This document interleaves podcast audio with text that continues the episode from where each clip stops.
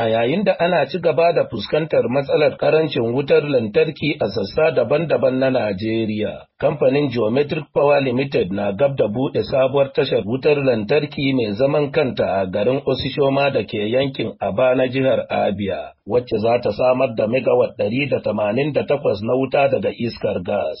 tsohon ministan lantarki da kuma ciyaman na kamfanin farfesa bad Nnaji ne ya shaida wa sashen hausa na muryar amurka hakan tare da cewa aikin zai lashe kimanin dala miliyan ɗari takwas.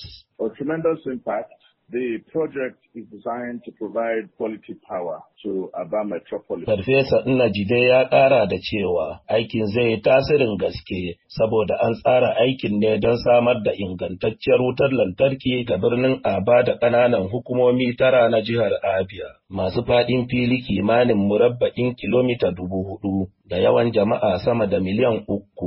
Aikin zai farfado da masana'antu da dama da kuma tada komadar tattalin arzikin yankin kudu maso gabas. We're using four turbines from General Electric.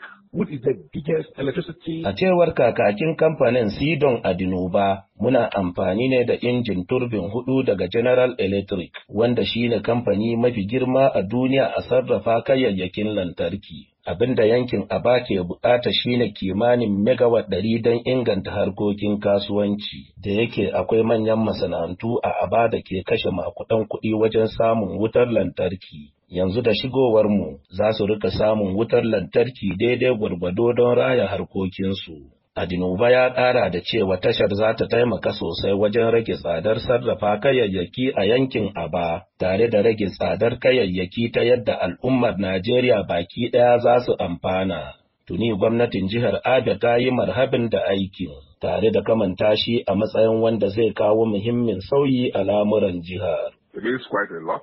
Power has been a real challenge to our people, particularly in the Aba area. Wannan ya yi ma'ana sosai, saboda al'ummar mu sun daɗe suna fama da ƙarancin wuta, musamman a yankin Aba, kuma da zarar tashar ta fara aiki. Masana'antu da yawa za su farfaɗo, in ji kwamishinan yaɗa labarai na jihar Mr. Oke Kano. Yanzu masana na ci gaba da kamanta wannan aikin geometric power plant a matsayin zuba jari mafi girma a duk kudu maso gabashin Najeriya. Kuma ana sa ran cewa shugaba Bola Tinubu zai kaddamar da tashar a ranar Litinin mai gabatowa.